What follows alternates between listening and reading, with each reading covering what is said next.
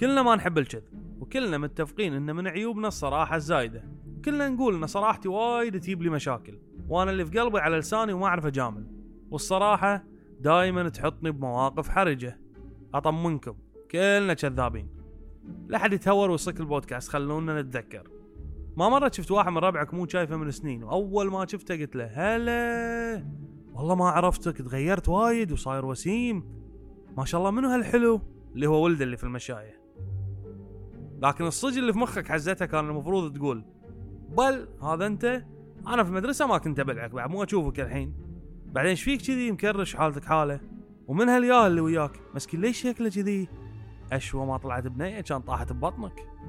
زين كم مرة رحتي عرس صديقتك؟ وأول ما سلمتي عليها قلتي لها واو اميزنج صايرة قمر. يا بخت ريلك فيك. إيش هالمكياج والشعر الحلو عيني باردة عليك. والعرس حد حد عجيب. لكن الصج اللي بداخلك حزتها ويع إيش هالمكياج التعبان وليش صايره شيفه كذي؟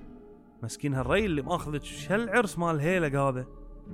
زين كم مرة راسك كان بينبط من الصداع ولحقك صديقك مسكن وقبل لا يوصل المسكن لمعدتك سألك ها شلون صرت؟ وحضرتك قلت له إيه الحمد لله خف وأنت طبعا كذاب وهو كذاب لأنه سألك هالسؤال بس مضطر تطمنه عشان ما يحاتيك. كم مرة ريلج قال لك اليوم أنا اللي بطبخ لك طبخة خيالية؟ والطبخة طلعت صخام وما تنوكل. ومع أول لقمة سألك ها حبيبتي شلون الطبخة؟ وقلتي له وايد حلوة عمري تسلم إيدك بس عشان ما تكسرين بخاطره كم مرة ولدك جاب لك الرسمة اللي راسمها في الصف وهي رسمة كمثرى مقضضة وقال لك بابا إيش رأيك برسمتي وأنا راسمك؟ قلت له ما شاء الله صدق حلوة لما تكبر بتصير بيكاسيو وغيرها وغيرها من هالمواقف. أدري ناس بتقول هذا مو كذب هذه مجاملات وغيرهم بيسمونها كذبة بيضة ويمكن في تسميات غير أنا ما أعرفها.